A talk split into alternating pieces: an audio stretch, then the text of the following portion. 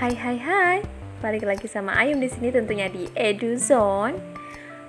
Education is the right for every people in the world. And in this episode, we will um, discuss and talk more about tips and trick how to get a scholarship. Tips dan trik gimana cara dapetin beasiswa. Okay, let's check it out.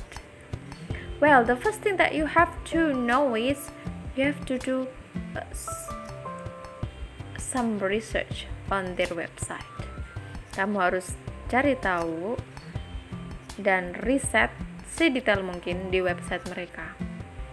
Seperti yang salah satu part uh, episode yang pertama aku jelasin yang mana setidaknya kamu tahu visi misinya apa dan tujuan serta fokusnya apa begitu. Karena setiap scholarship provider they have their own motivation to provide a scholarship. Well we going on the tips and trick.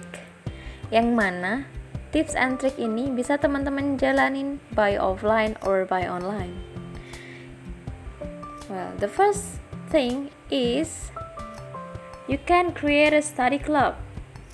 Yang mana teman-teman bisa mengumpulkan beberapa teman-teman di sekitar kamu yang tujuannya sama.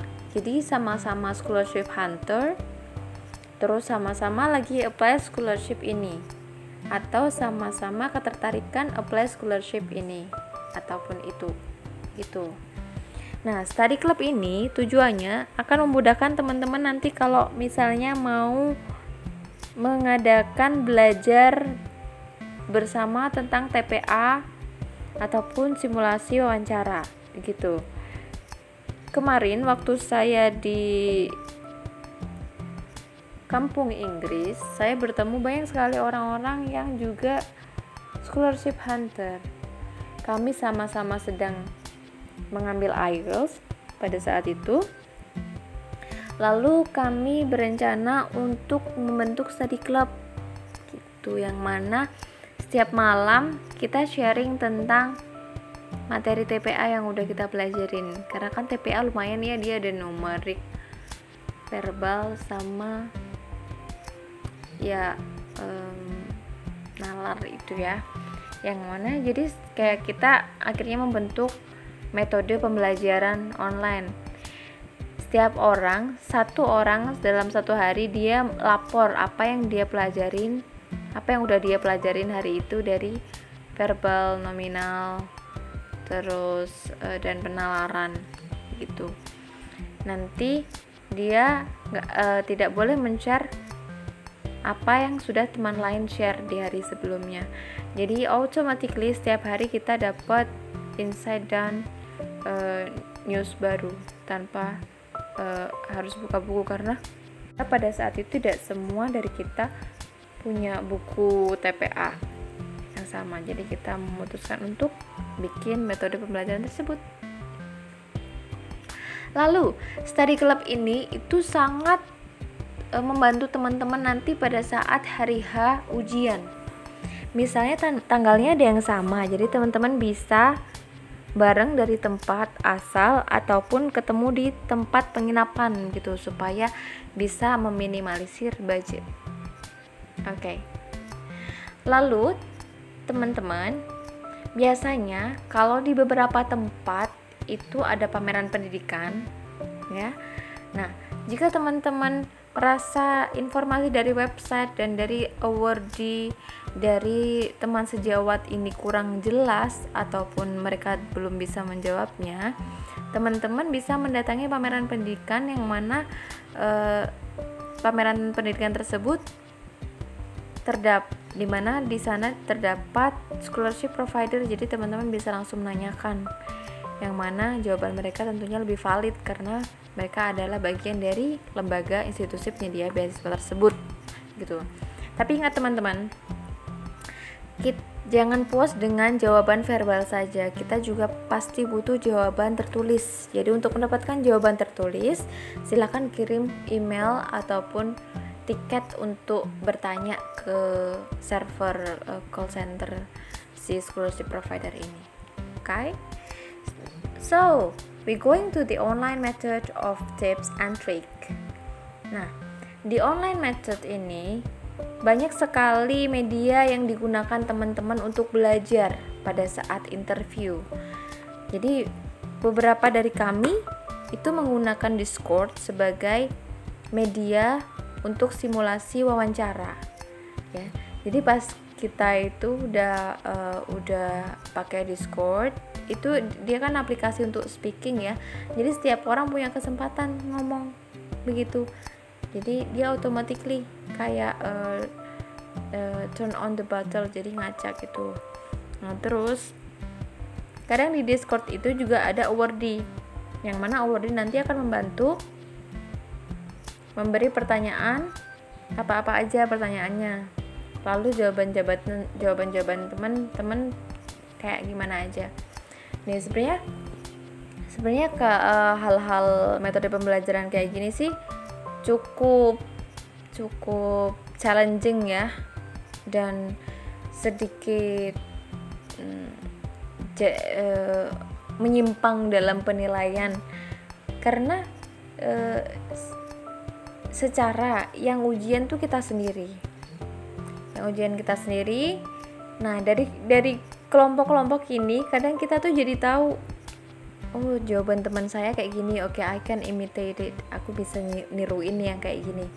Nah itu sih yang tidak uh, tidak disarankan dalam metode sharing online ini sih gitu. Jadi ya e, kamu yang punya ide kamu yang mau belajar jadi kamu harus pede dengan apa yang menjadi e, caramu untuk menyampaikan dan jawabanmu serta pendapatmu sendiri. Ya not based on the other people okay?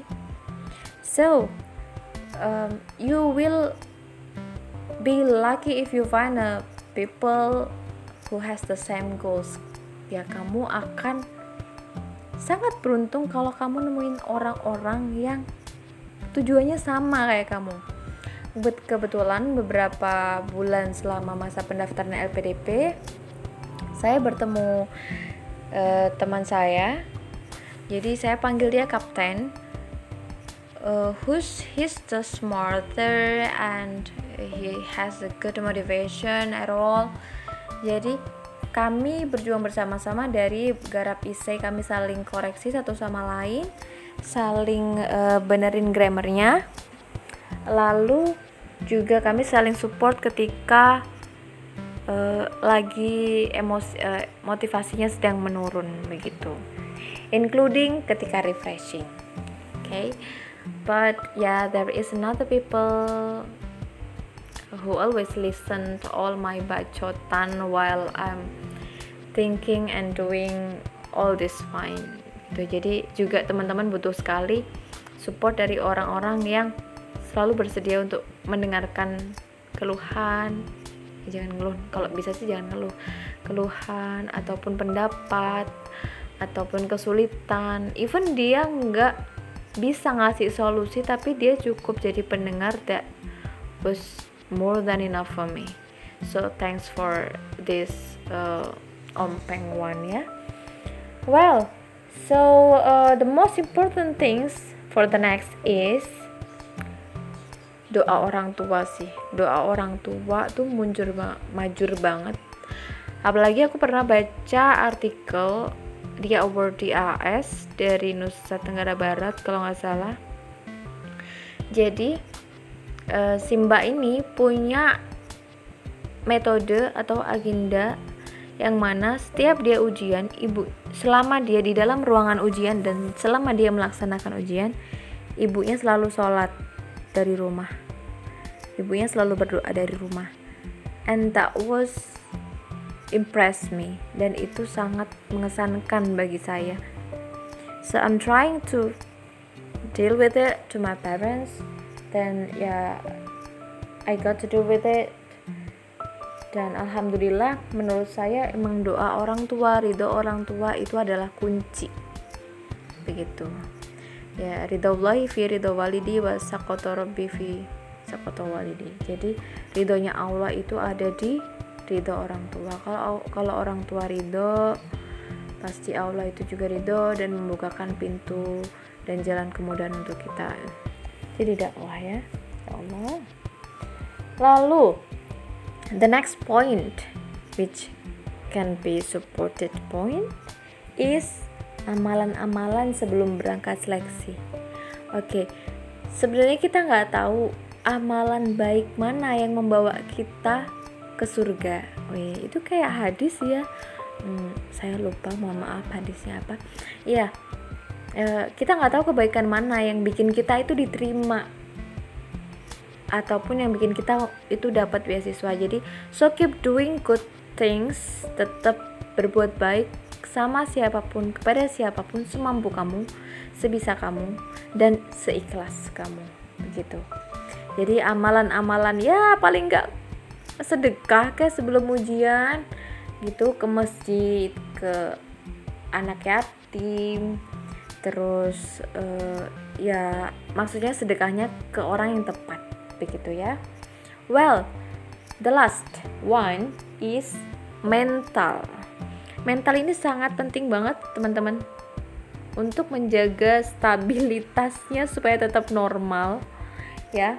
Karena pas hari H yang kita hadapin pas tes komputer sih oke okay, komputer benda mati. Kita bisa masih santai ya karena kita bisa kita bisa simulasi di rumah dengan pakai aplikasi CAT ya dari PC tapi kalau pas kita hadepin interview yang kita hadepin ini interviewer yang mana dia manusia. Manusia kita nggak tahu apa yang sedang dia rasakan hari itu saat itu apakah dia in a good mood ataukah dia in a bad mood ataukah dia sedang galau. Interviewernya kita nggak tahu ataukah dia sedang uh, merasa tidak adil lalu dia merasa ya kita nggak ngerti apakah dia sedang bahagia juga ataukah dia sedang uh, open at that time we never know what the people inside heart.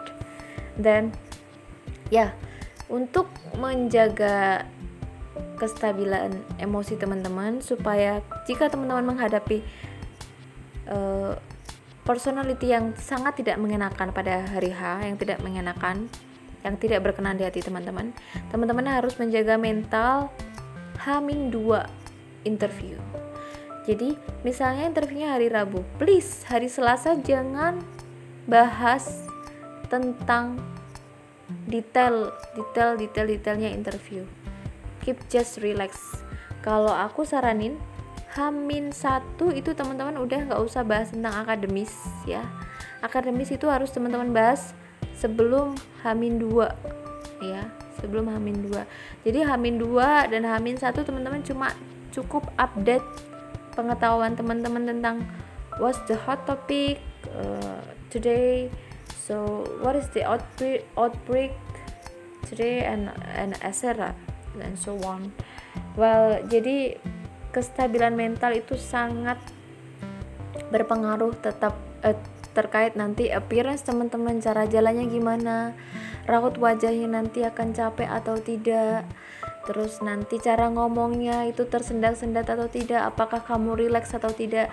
Jadi kestabilan emosi itu sangatlah penting. So don't work so hard. Hamin satu ya. Hamin satu interview aku masih inget banget. Aku survei. Jadi harusnya aku itu interview pas itu hari Kamis tapi hari Rabu aku survei ke tempat ujian jadi paling nggak aku dapat feelingnya dulu nih sebagai peserta. Padahal ujiannya masih besok. Nah setelah aku survei ke tempat ujian oke okay, aku apresiasi diri aku. Aku jalan-jalan ke museum. Pada saat itu aku ikut uh, seleksi di Surabaya soal uh, seleksinya di BKN yang mana dia deket sama Museum Tugu Pahlawan. Jadi aku aku jalan-jalan ke Museum Tugu Pahlawan. Udah capek baru aku check in penginapan setelah check in penginapan apakah aku belajar? Oh no of course no. Aku nonton film-film ya baca-baca berita baca-baca Jakarta Post Kompas Tempo dan lain-lain lah. Terus kapan aku belajarnya? Aku bangun jam 3 pagi. Ya setelah itu habis ibadah belajar. Baru pada saat itu belajar. Tapi setelah aku meninggalkan hotel setelah aku di tempat ujian sama sekali. Aku tidak membuka materi-materi proposal study, study plan dan lain-lain. Aku tidak membuka itu sama sekali.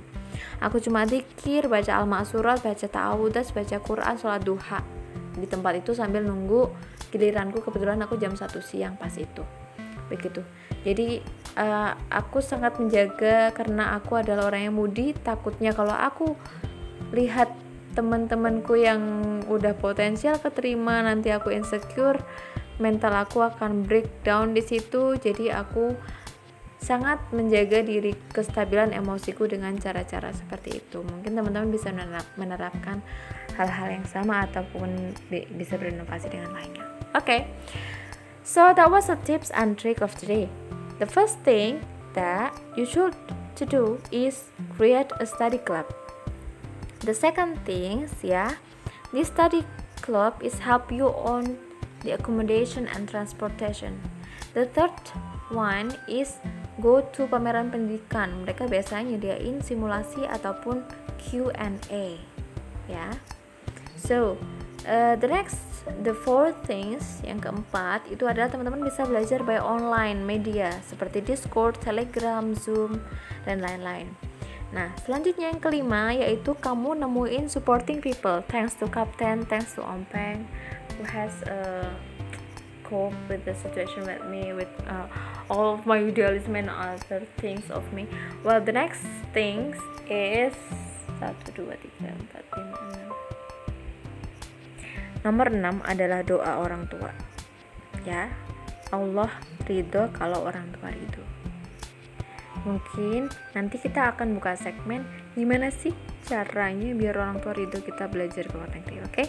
di another segment Terus, yang ketujuh adalah amalan-amalan sebelum berangkat seleksi dan yang terakhir adalah kestabilitas uh, stabilitas mental yang mana harus disiapin min sebelum ujian.